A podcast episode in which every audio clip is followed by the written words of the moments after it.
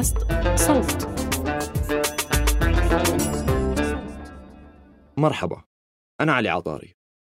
عم نجهز حاليا لحلقتين من البودكاست فرح ناخد استراحة هذا الأسبوع ونسمعكم مقالة من صفحات صوت بعنوان نعتذر تخفيف البلاستيك لن ينقذ الكوكب بيتحدث المقال عن أن المحاولات الفردية للإقلاع عن استخدام البلاستيك مهمة.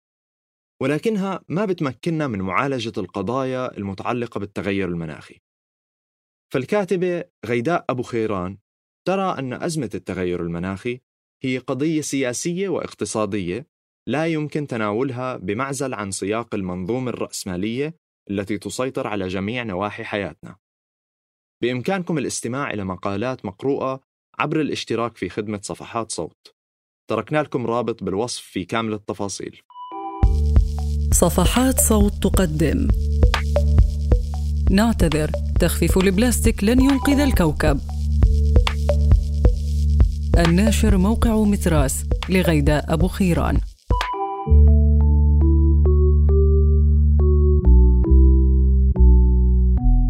عند اشتداد حرائق غابات الأمازون في يوليو تموز من عام 2019 كان يوم لا يكاد يمر دون أن أتعثر في حساباتي على مواقع التواصل الاجتماعي بالكثير من الصور والمنشورات والتعليقات التي تعبر عن قلقها وخوفها على الكوكب منشورات أخرى تذكرنا بما لا يعد ولا يحصى من النصائح للتعامل مع المشكلة.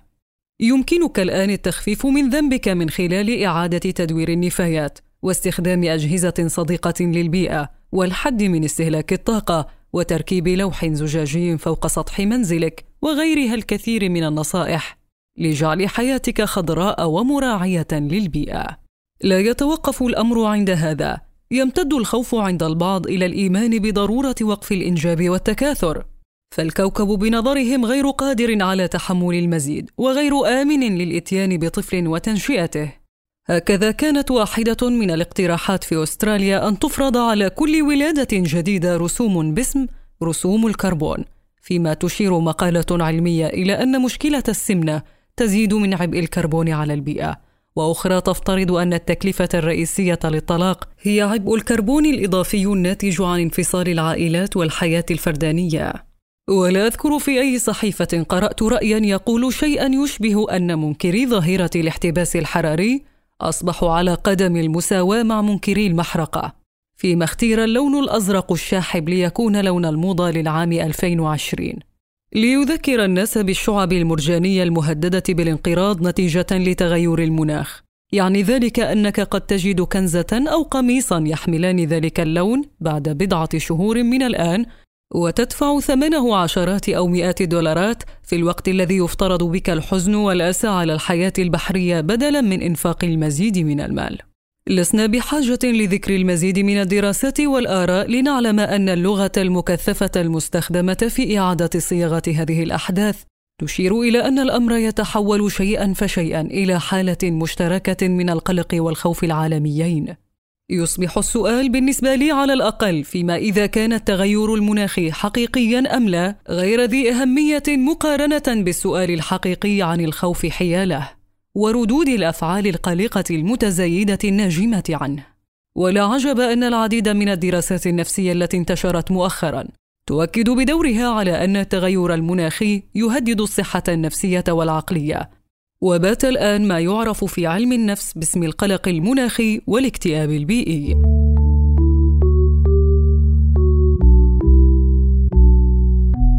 قلق فردي أمام المنظومة اليأس اليومي الذي لا يهدأ والخسارة التدريجية للطبيعة سيؤديان إلى بعض العواقب النفسية المزمنة. كما تؤكد جمعية علم النفس الأمريكية في تقريرها الذي أصدرته مؤخرا بمشاركة عدد من المنظمات البيئية. تستطرد الجمعية بالقول إن التغييرات التدريجية على المدى الطويل يمكن أن تتراوح ما بين القلق اليومي على مصير الأرض والعالم إلى الشعور بالذعر والعجز واستلاب القدرة على الفعل والتغيير. ما يعني أن لدينا الآن نوعا جديدا من القلق والاكتئاب علينا التعامل معه وتصنيفه وفصله عن أنواع القلق الأخرى المتزايدة والتي يجد لها علم النفس الحديث اسما كل عام نرى ذلك القلق المرضي في الموسم الثاني من مسلسل Big Little Lies الذي أنتجته شبكة HBO يصاب الأطفال بنوبة ذعر أثناء تعلمهم عن تغير المناخ في المدرسة ما يستدعي تدخل الأخصائي النفسي للتعامل مع الحالة. رغم أن المشهد قد يكون مبالغا فيه بالفعل إلا أننا نعلم جيدا تبعا لنشرات الأخبار أن هناك بين اليوم والآخر مجموعة من الأطفال يقررون التسيب عن المدرسة والاحتجاج في الشارع على ما يحدث. مستنجدين آباءهم والبالغين من حولهم بضرورة التحرك لوقف تدمير الكوكب. في السياق نفسه يشتغل فيلم First Reformed من إنتاج عام 2007 بهذا الموضوع ولعله أول عمل سينمائي بارز يتناول أزمتنا البيئية في القرن الواحد والعشرين. تنتحر إحدى شخصيات الفيلم وهو رجل لشعوره بالعجز وعدم القدرة على التغيير وحماية الأرض. قبل انتحاره يصور لنا الفيلم القلق الذي يطغى عليه مما يحدث والذعر الذي يصاحب حمل زوجته وفكرة أنه سيأتي بكائن جديد إلى عالمنا الآخذ بالدمار. يأخذنا الفيلم إلى أبعد من ذلك بسؤاله إذا ما كانت البشرية تستحق النجاة والغفران الإلهي بعد الذي اقترفته في حق الطبيعة والأرض من تلوث وخراب. وبتساؤله هذا يسلط الفيلم الضوء على التغير المناخي لا بوصفه مسألة قلق فردي تمس المشاعر النفسية للأفراد وحسب. بل ومخاوفهم الدينية وشكوكهم الإيمانية ومساعيهم للخلاص كذلك. لكنه في الوقت نفسه يصل بنا إلى صلب الموضوع. ليس الاحتباس الحراري والتغير المناخي قضية علمية تستدعي انتباه الأفراد وحسب. ولكنها قبل كل شيء قضية سياسية واقتصادية لا يمكن تناولها بمعزل عن سياق المنظومة الرأسمالية التي تسيطر على جميع نواحي حياتنا.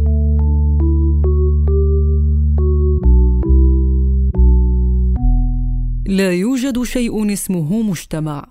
تكمن المشكلة الأساسية في أننا عادة ما نتعامل مع المشاكل والأزمات الكبرى على أنها منفصلة.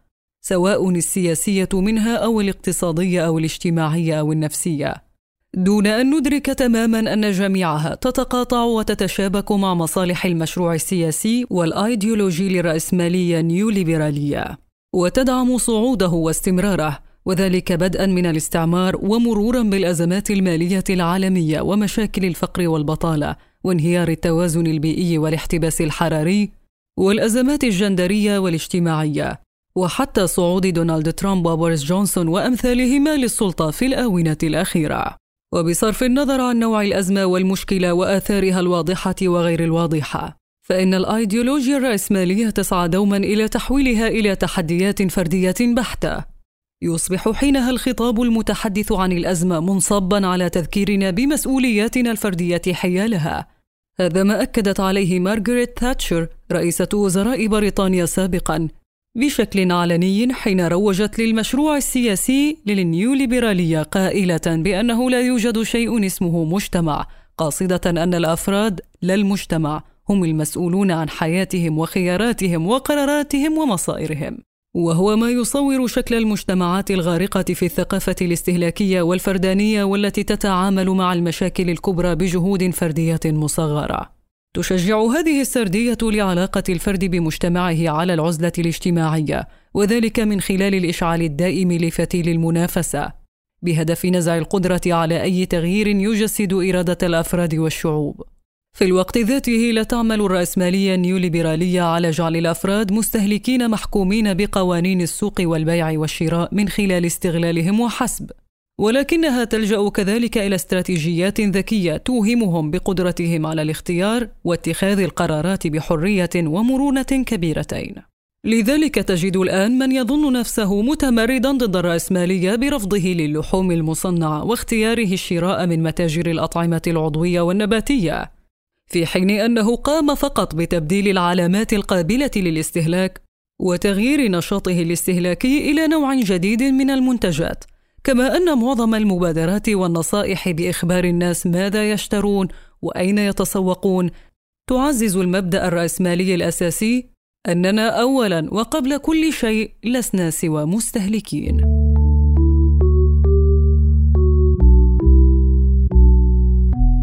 استثمار الصدمة.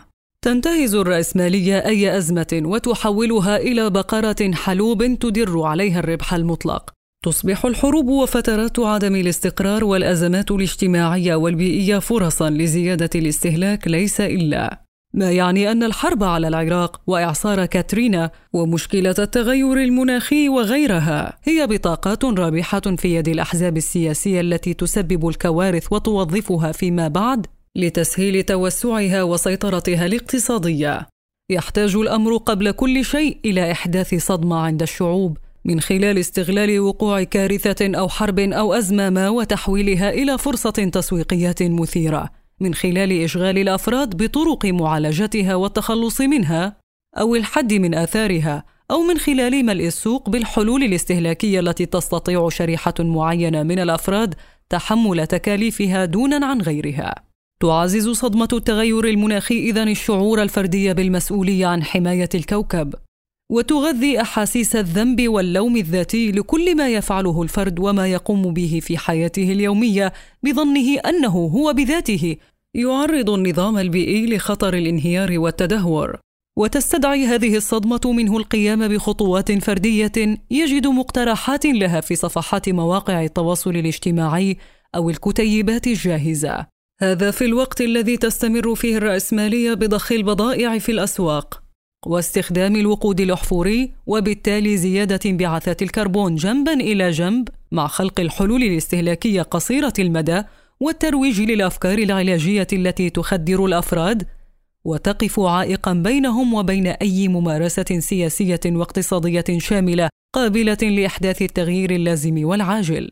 وبالطبع نحن في حاجة بل كل الحاجة إلى أن نستهلك أقل وأن نصرف كميات أقل من الطاقة ونزيد من المساحات الخضراء ونبتكر طرقا مستدامة للتخلص من النفايات.